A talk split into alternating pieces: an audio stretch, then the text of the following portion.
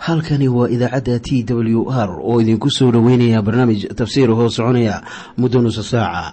Waxaana barnaamijkan codka waayaha cusub ee waxbaridda ah idiin soo diyaariya masiixiin soomaaliya. Sareyow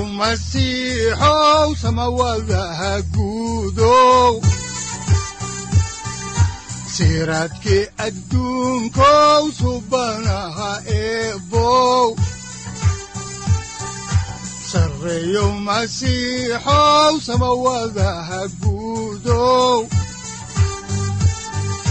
siraadkii adduunkow subanaha eebow jiro ifkaan soo saldhiganba adigoo soo saldhiganba kutubtiisanaye udbanogu saaciiday sharxin sifahaaga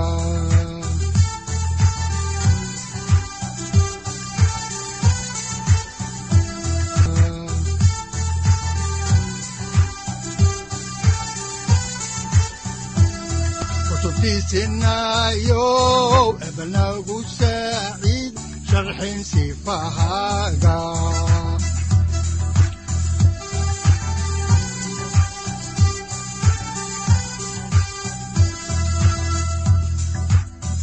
satirow ilaahow adanku su'aalne satirow ilaahow adanku su'aalne waxaanu caawa idiin bilaabi doonnaa daraasaad aynu ku eegayno injiilka sida mataayo hoosu qoray waxaana daraasaadkaas loogu magacdaray baibalka dhammaantiis haddaba injiilka sida mataayo hoosu qoray inkastoo uu ka kooban yahay siddeed iyo labaatan cutub haddana waa kitaab muhiima. Bilxaqiiqa kitaabka bilowgii iyo injiilka sida mataayo hoosu qoray waa laba kitaab oo furo u ah kitaabka quduuska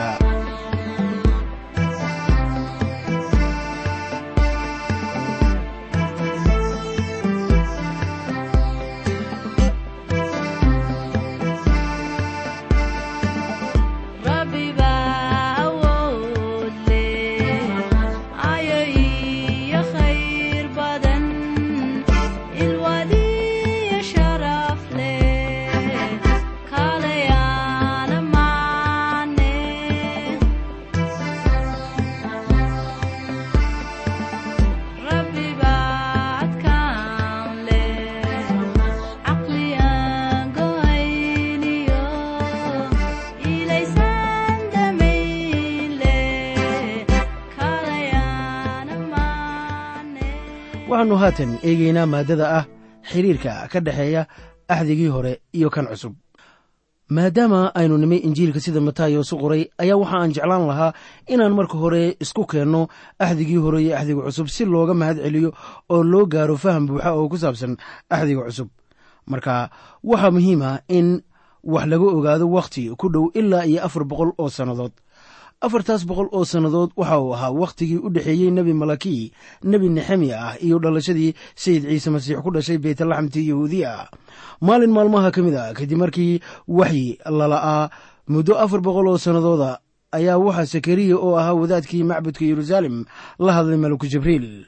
Malaku jibriil wuxuu u sheegay wadaadka dhalashadii yuxana baabtiisaha oo ahaa kan jidka u diyaarinaya sayidka waxaan markaa arki doonnaa sida ay muhiim u tahay in yuxana baabtiisaha lagu soo daro injiilka sida mataayo su qoray.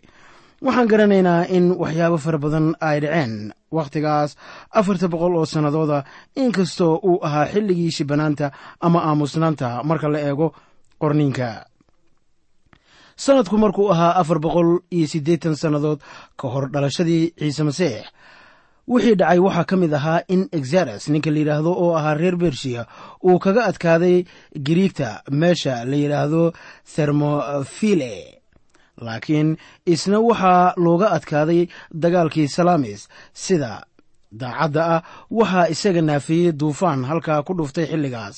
Taasuna waa iskudaygii u dambeeyey ee reer barigu ku doonayeen in ay noqdaan quwad dunida xukunta sanadku markuu ahaa saddex boqol soddon iyo saddex dhalashadii ciise masiixi ka ayaa waxaa ka soo baxay reer galbeedka.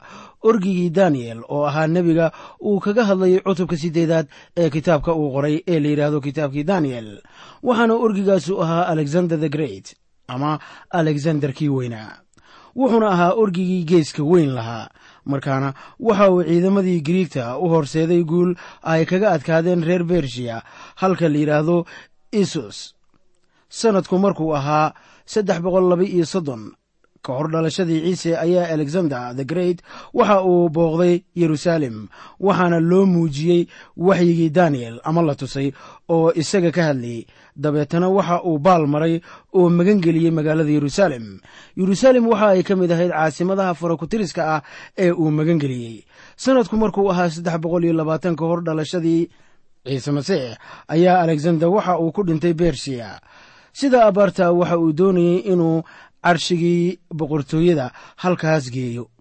Dabeetana boqortooyooyinkii dunida ee reer bariga iyo reer galbeedka ayaa waxaa qaybsaday afartiisii abbaanduule oo derajadoodu ahayd sarreeyo guuto. Isla sannadadaas ayaa deegaanka yahuudiya waxaa qaatay tolemi sowta ninka la yidhaahdo sannadadii ku xigtayna waxaa jiray dagaallo iyo muquunis ka dhacay deegaanada bariga dhexe. Waxaa jiray sannadadii ka dambeeyey in reer suuriya ay soo weerareen yeruusaalem. Kacdoonku waxa uu ahaa mid isdaba jooga ha yeeshee waxaa kolkii dambe qabsaday yeruusaalem iyo yahuudiya ninkii la oran jiray antiochus the great iyadoo ay kaalmaynayaan reer suuriya.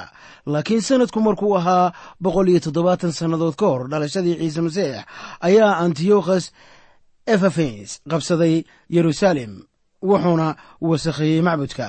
Waxaa isna lagu sheegay waxyigii daniel oo waxa uu ahaa geeskii yaraa ee ka soo baxay orgiga sida ku qoran daniel cutubka sideedaad aayadda sagaalaad. Waxaana ninkaa loogu yeeraa nero of the jewish history oo looga gol leeyahay inuu ahaa nin la mid ah nero. Waa ninkii masiixiyiinta reer rooma xasuuqay. Magaaladii roma ayaa uu nero dab qabadsiiyey markaasuu ku eedeeyey in masiixiyiintu ay ka dambeeyeen. Ninkanuna si xun buu u xasuuqay yuhuudda. Ha yeeshee sanadku markuu ahaa soddon iyo kow dhalashadii ciise ka hor ayaa waxaa xukunkii roome qabsaday kaysar agostus sanadku markuu ahaa sagaal iyo toban sannadood ka hor dhalashadii ciise ayaa waxaa bilowday dhismihii macbudkii reer herodia. Dhismuhuna waxa uu socday ilaa iyo wakhti markii sayidkeenu dhashay oo welibana dhismihii halkii buu ka sii socday xilligii la soo galay axdiga cusub oo lagu taariikheeyo dhalashadii ciise masiix. Haddaba waxaa jiray afar firqo oo yahuuda wakhtigaas waxaana la kala oran jiray kow farisiinta labo sadukiinta saddex scribas ama culimo afar herodians. Aan ku bilownay farisiintu waxay ahaayeen xisbi awood leh. Waxa ay u taagnaayeen in ay difaacaan nolosha iyo dhaqanka yuhuudda oo ay ka ilaalin jireen inay dhex galaan dhaqamada shisheeye. Waxay ahaayeen niman ku adag sharciga oo rumaysan axdigii hore. Waxay siyaasad ahaan ahaayeen niman waddaniyiin ah oo waxa ay doonayeen inay taagaan boqortooyadii daa'uud. Markaana nimankaasu waxay ahaayeen xisbi siyaasadeed iyo mid diin ku dhaqmaba. Maanta waxaan iyaga oo kale ugu yeernaa markaan dhanka diimaha ka eegno asal raac iyo niman siyaasadoodu jirto dhanka midig oo qolada labaad waa sadukiinta oo iyaguna ka kooban maalqabeennada oo ka fikira bulshada ha yeeshee doonayay inay isaga tagaan dhaqamada iyo caadooyinkii hore ee yuhuudda. Miyaa haddaba taasu haatan wax ayaan ina xusuusinaynin miyaanad arkaynin in dadka maalqabeenka ah oo dhan ayan u xaglinin dhanka bulshada iyaga oon eegaynin dhanka diimaha. Markaad dhanka kale ka eegto nimanka tujaarta waxaa ka buuxa dad badan oo lacagta iska bixiya laakiin inaba dooni maayaan inay maalkooda ka tagaan ama wada bixiyaan. Markaana nimanka sadukiinta ah waxay ahaayeen niman furfuran waxaana ay diidanaayeen wax kasta ee aan muuqan sida malaa'igaha iyo waxyaabaha mucjisooyinka ah ee ilaah sameeyo. Sida muuqatana waxa ay ka soo horjeedeen farisiinta waxay haddaba u muuqataa in sadukiintu ay falsafad ahaayeen ama aan idhaahdo falsafad ahaan la mid ahaayeen. Nimankii la oran jiray ebekurian oo fikrad ahaan rumaysnaa in wax la cuno oo wax la cabo lana farxo wakhtiga aad nooshahay waayo bay odhanayaan berri waad dhimanaysaa waxaa laga yaabaa inaan si xun u fahanno sadukiinta dabcan waxa ay doonayeen inay helaan nolol wanaagsan. Waxa ay la ahayd in ay haqabtiri karaan waxa jidhkoodu doonayay. Haddii nafsadda laga saaro waxyaabaha xakamaynaya sida shuruucda iyo dhaqamada iyo caadooyinka ayay islahaayeen noloshu in ay u dabcayso. Maalmaheenna dad badan ayaa aaminsan filosofiyaddaas waxaan idinku leeyahay sadukiintu way isku dayeen laakiin uma shaqaynin. Welibana kuwa maanta sidaa aaminsan ayaan wax qancisa helaynin. Horumada saddexaadina waxaa weeye scribas ama culimmada dadka oo ahaa niman xirfad sare u lahaa fasiraadda sharciga kuwaasoo asalkoodu ahaa ilaa iyo wakhtigii casraa waxay ahaayeen niman aaminsan waxa sharcigu leeyahay balse aan eegaynin nuxurka sharciga markii herodos u yeeray culimmada oo uu weydiiyey halka masiixu ku dhalan doonay way garanayeen in ay ahayd baytlaxamtii yuhuudiya. Waxaad markaa malaynaysaa in ay inta owr soo wateen yimaadeen baytlaxam si ay u arkaan masiixa laakiin iyagu ma ayan xiisaynaynin inay sidaa yeelaan. Waxaase ay aad u dooni jireen waxa sharcigu leeyahay. Saaxiib waxaa jira khatar ay leedahay in warar la raadiyo oo aqoon lagu baaro baibalka. Dabeetana aan loo fasirinin aqoontaas si habboon iyadoo aan inaba lagu camal falaynin. Ha yeeshee haddii aynu daraasaad ku eegno qorniinka ama ku samayno qorniinka ayaannu baranaynaa xaqaa'iqa aasaasiyanka ah ee qorniinka iyo arrimaha dhabta ee diiniga ah ee ku jira. Innagoo aan hadallada ilaah niyadaheenna gelinin. Markaana nimankan culimmada ah sidaas bay ahaayeen. Maalmaheenna kuwa ugu mayalka adag ee aan la kulmo waa nimanka asal raaca ah. Waxa ay doonayaan in ay dadka kala dilaaciyaan si ay ajar u helaan. Ha yeeshee waa muhiim in qofku ogaado hadallada ilaah waana aqoon wax ku ool ah. Laakiin waa inaan nolosheenna u oggolaannaa oo u gudbinnaa dadka kale haatanna aynu eegno hormada afraad waana nimanka loo yaqaano herodians. Herodians waxa ay ahaayeen xisbi jiray maalmihii ciise waxaana ay ahaayeen siyaasiyiin fursadoon ah. Waxa ay doonayeen in ay ku hayaan kursiga xukuumadda herodos waayo waxa ay doonayeen in xisbigoodu awood lahaado. Haddaba xilliga u dhexeeyey axdigii hore iyo axdiga cusub ayaa waxaa laga dhex arkayaa inuu ahaa xilli ay jireen horumar laga sameeyey dhanka qoraalka ama qoraalka kale inkastoo ayan jirin muujin ilaah ka timi ama waxii soo degay. Balse xilligaas ayaa axdigii hore waxaa lagu beddelay luuqadda giriigta. Halkii turjumada ay ka dhacdayna waxay ahayd alexanderiya xilli u dhexeeyey laba boqol iyo siddeetan iyo shan ilaa laba boqol afartan iyo toddobo sannadood dhalashadii ciise masiix ka hor waxaa turjumaadda sameeyey lix xubnood oo ka kala yimid laba iyo tobanka qabiil ee israa'iil. Markaana magacii loo bixiyey turjumaaddaas waxa uu ahaa sebtigent oo ay ka macno tahay toddobaatan. Isla turjumadan waxaa isticmaalay bawlos oo sayidkeennuna sida abbaarta ah wuu soo xiganayey markii uu xerta iyo dadkii badnaaban waxbarayey haddaba haddii aan ka hadalno injiilka sida matayos u qoray waxaa loo qoray qaranka israa'iil. Markii ugu horreysay waxaa lagu qoray cibraani waxaana lagu qoray aasaasiyan dadka aad wax uga yaqaana diimaha iyo kuwa kale ee xilligaa noolaa. Haddaba qoraha injiilka waxa uu ahaa cashuur qaade sayidka gacantiisa u saaray si hubanti ah sida ku qoran matayos cutubka sagaalaad aayadda sagaalaad. Waxa uu ka mid ahaa xawaariyiinta ciise oo welibana waxa uu ahaa rasuul haddaba bayas ayaa leh esubis ayaa xaqiijiyey oo odayaashii kalena way aqbaleen in injiilkan asal ahaan matayos ku qoran lagu qoray afka cibraaniga iyadoo loo qorayo qaranka israa'iil oo ahaa qaran diin lahaa. Sidaad og tihiinba sayid ciise masiix waxa uu markii hore u yimi qaranka israa'iil waxaa ku qoran injiilka sida yuxanaa u qoray cutubka afraad aayadda laba labaatanaad sida tan. Idinku waa qurumaha eh waxaad caabuddaan waxaydaan oqon annaguse waxaannu caabudnaa waxaannu naqan waayo badbaadintu waxa ay ka timaadaa yuhuudda. Welibana qolooyinkii karaahiyada ahaa buu u diyaariyey badbaado. Waayo way badbaadeen. Markii ay aqbaleen sayid ciise masiix ha yeeshee berigii hore way baadiyaysnaayeen oo waxa ay u baahnaayeen in la badbaadiyo markaana kitaabkan ama injiilkan sida luukoos u qoray waxaa weeye mid muhiima dadka qaar bay la tahay wax muhiim ka dhigaya injiilkan inay tahay in markii hore loogu tala galay yuhuudda. Laakiin inkastoo ay sidaas tahay haddana waa injiilka keliya ee lagu sheegay dhismaha kiniisadda sida ku qoran cutubka lix iyo tobnaad aayadiisa siddeed iyo tobnaad oo leh anigu waxaan kugu leeyahay butros baa tahay oo dhagaxan ayaan ka dul dhisan doonaa kiniisaddayda oo albaabadii hadees kama adkaan doonaan. Nin dooda ah oo faransiis ahaa oo ka hadlayey injiilka ayaa yidhi waa injiil ahmiyad sare u leh masiixiyiinta waana kan ugu ahmiyadda ballaaran ee abid la qoro.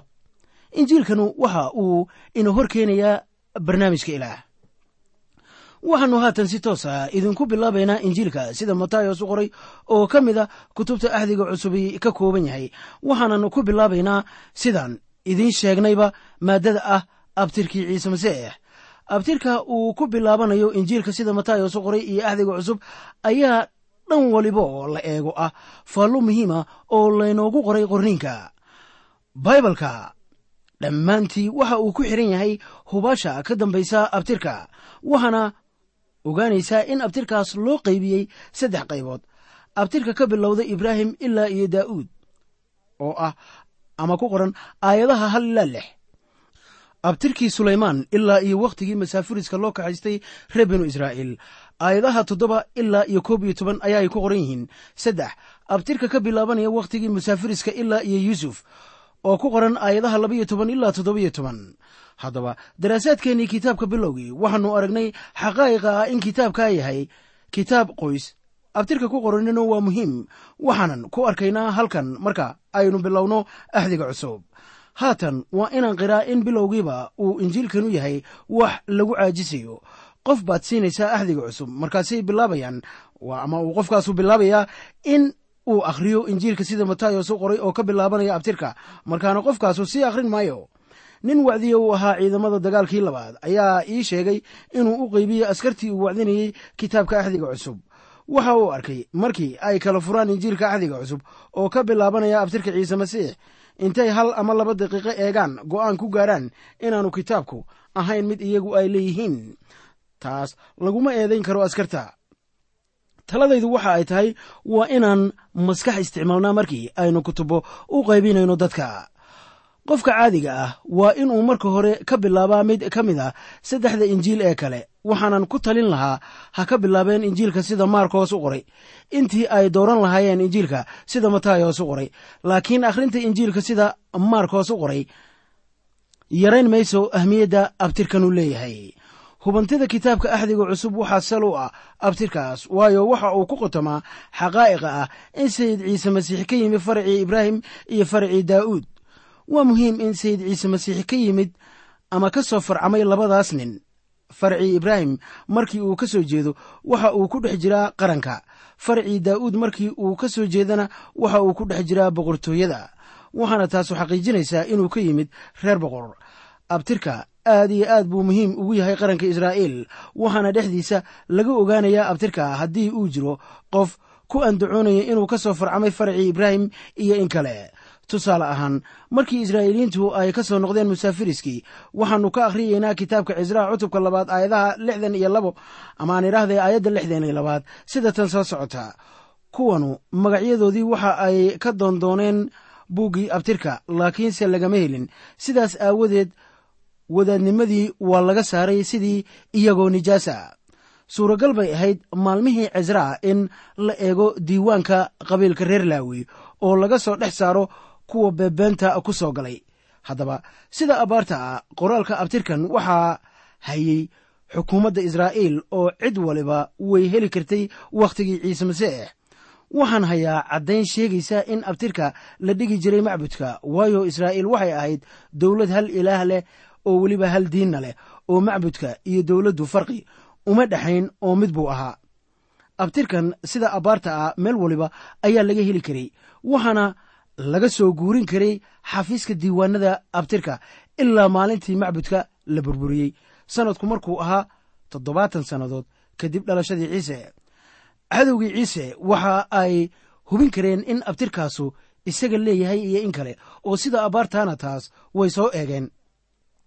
Waxaase xiisaha iyo ahmiyadda leh waxa weeye in ay dhan walibo kala hardamay sayid ciise masiix oo xitaa fasiraad maldahanna ay ka bixiyeen sarakicidda laakiin weligood su'aal kama ayan keenin abtirkiisii.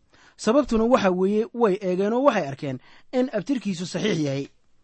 Haddaba abtirku waa muhiim waayo waxa uu soo istaajinayaa ciise meel khaasa waxaad xusuusataa inuu ciise yidhi sida ku qoran injiilka sida yooxanaa u qoray cutubka tobnaad aayadaha hal ilaa laba oo leh. Runtii runtii waxaan idinku leeyahay kii aan xerada idaha ilinka ka soo gelin ee meel kale ka soo fula kaasu waa tuug iyo waxdhece iduhu waa reer binu israa'iil ciisena meel kale kama soo fuulin si uu idaha ku gaaro oo meel cidhiidhi ahna sooma marin. Wuxuuse ka soo galay ilinka wuxuu ka farcamay daa'uud iyo ibraahim. Xaalkaas ayuu matayos ina hordhigaya isagu wuxuu ahaa kan wax waliba ku kaamilmayaan kuwaasoo lagu soo sheegay axdigii hore. Markaana cadowga masiixa ma ayan hor istaagi karin abtirkiisa waxay ahayd inay raadsadaan habab kale oo ay uga hor yimaadaan dabcan wayna la yimaadeen. Abtirkanu waa kii sayidkeenna ciise kaasoo uu lahaa yuusuf oo ahaa kii soo koriyey waxaana jira abtir kale markii aynu gaarno injiilka sida luuka hoos u qoray kaasuna waa abtirkii maryama. Haddaan idiin akhriyo aayadda koowaad ee injiilka sida matayos u qoray cutubka koowaad aayaddiisa koowaad ayaa waxaa qoran kanu waa kitaabkii abtirsinyada ciise masiix ina daa'uud ina ibraahim marka la leeyahay kitaabka abtirsinyada ayaa kaasu noqonayaa wedh la yaab u leh matayos waana sharaxaad yaab leh kana heli maysid meel kale oo ka mida kitaabka axdiga cusub.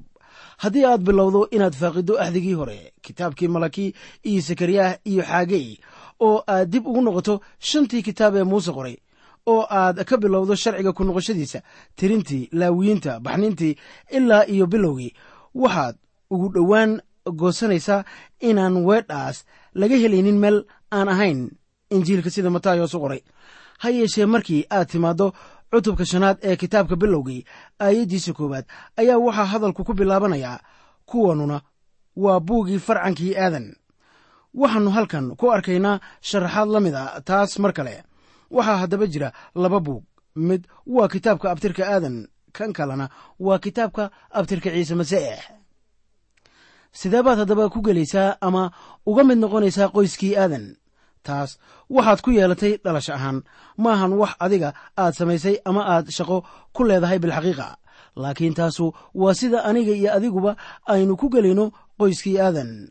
Waxaan ku gelaynaa dhalasho ahaan. Laakiin innaga oo dhan waxaynu ku dhimannay aadan sida ku qoran warqaddii rasuul boolos u qoray waa rasuul boolose u qoray dadkii rooma cutubka shanaad aayadda labayo tobanaad kitaabka aadan waa kitaab dhimasho ama dhimashooyin qora. Waxaa kaloo jira kitaab kale waana kan faracii masiixa. Sidee baad ku noqonaysaa qoyskaas oo aad abtirka ku gelaysaa. Waxaad abtirka ku gelaysaa nolosha cusub. Sayid ciise masiix waxa uu leeyahay waa inaannu mar kale dhalannaa si aynu u aragno boqortooyada ilaah.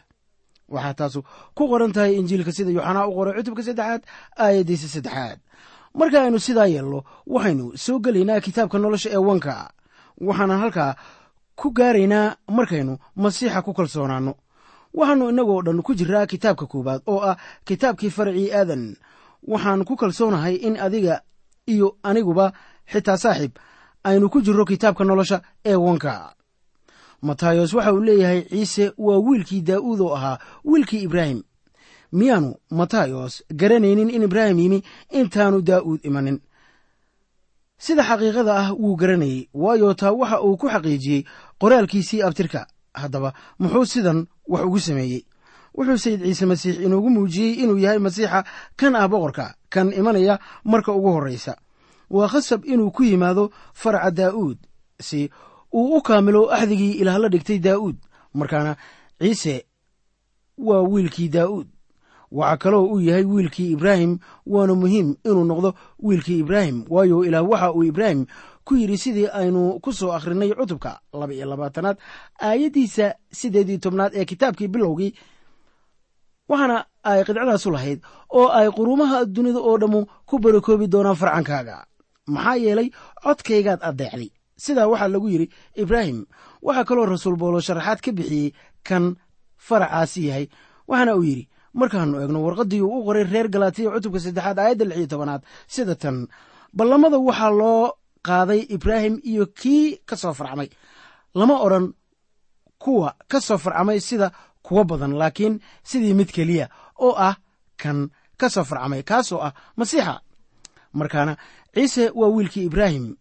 Haddaan iminka horay u sii wadno kitaabka axdiga cusub injiilka sida matayos u qoray cutubka koowaad aayadaha laba ilaa lix ayaa waxaa qoran ibraahim waxa uu dhalay isxaaq isxaaqna waxa uu dhalay yacquub yacquubna waxa uu dhalay feres iyo sera feresna waxa uu dhalay esrom esromna waxa uu dhalay aaraam aaraamna waxa uu dhalay caminadaab caminadaabna waxa uu dhalay naason naasonna waxa uu dhalay salmoon. Salmoonna waxaa raxab uu ka dhalay bocas bocasna wuxuu ruut ka dhalay coobeed coobeedna waxa uu dhalay yesey yeseyna waxa uu dhalay boqor daauud daa'uudna waxa uu naagtii uuriyah qabi jiray ka dhalay sulaymaan markii aad si taxadar leh u eegto abtirka siduu u socdo ayaad garanaysaa in uu xiise uun lahayne uu welibana xamaasadna leeyahay. Afar magac ayaa sida dayixii u taagan. Waa wax la yaab leh in afartaa magac lagu soo daray abtirkii masiixa. Kan koowaad waxa weeye magacyo hablood. Marka labaadna waa magacyada qurumaha. Caadiyan magacyada haweenka sooma galaan abtirka cibraaniyada laakiin dadka qaarkii baan khalad u arkaynintaas waayo marka nin uu naag guursanayo maalmaha kan isla sidaa oo kalea la yeelaa. Markii nin iyo naag isguursadaan ayaa labaduba waxa ay qaadanayaan magacii ninka laakiinse lama qaadanayo magaca naagta. Markaana faracii naagtu halkaa buu ku hakanayaa ama ku harayaa laakiin kii ninka ayaa sii soconaya. Sidaas ayaannu maalmaha kan yeelnaa. Markaana reer binu israa'iil sidaas bay samayn jireen maalmihii hore ilaa iyo maantaba waxaa jiray gabdho lahaa magacyo qurux badan sida jones ama smith waxaana magacyadoodii loo bedelay nandek wanda amase shikel graba. Waxaad la yaabaysaa in ay iyadu doonaysay inay magaceedii wacnaa ay ku beddelato mid dheer oo adag laakiin magacyadaasu waa kuwii raggii ay guursanayeen oo sidaas ayaa maanta la yeelaa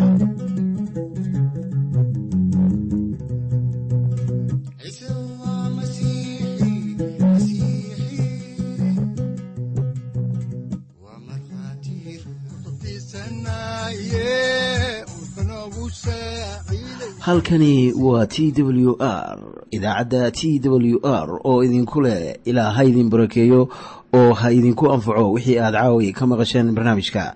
Waxaa barnaamijkan oo kalaa maqli doontaan habeen dambe hadahan oo kale haddiise aad doonaysaan in aad fikirkiina ka dhiibataan wixii aad caawi maqasheen ayaad nagala soo xiriiri kartaan som t w r at t w r c o k e dhegaystayaal haddii aad doonaysaan inaad mar kale dhegaysataan barnaamijka fadlan mar kale booqo www t t b o r g ama www t w r o r g halka sare waxaad ku arkaysaa markii aad gasho language ama luuqadda waxaana dooranaysaa soomaali.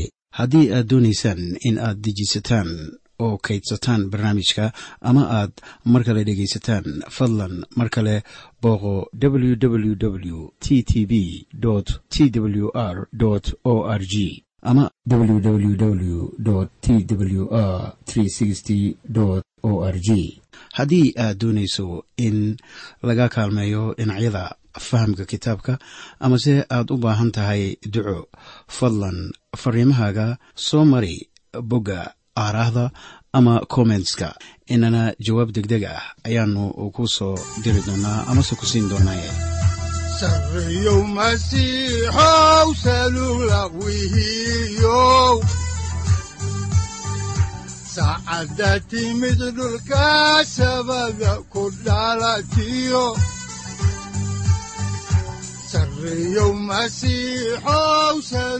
halkani waa t w r oo idiin rajaynaya habeen baraare iyo barwaaqaba leh inta aynu ka gaari doono wakhti aynu ku kulanno barnaamij la mida kan caawayay aad maqasheen waxa aan idinku leeyahay nabadda ciise masiix ha idinku badato xagga jidhka iyo ruuxaba aamiin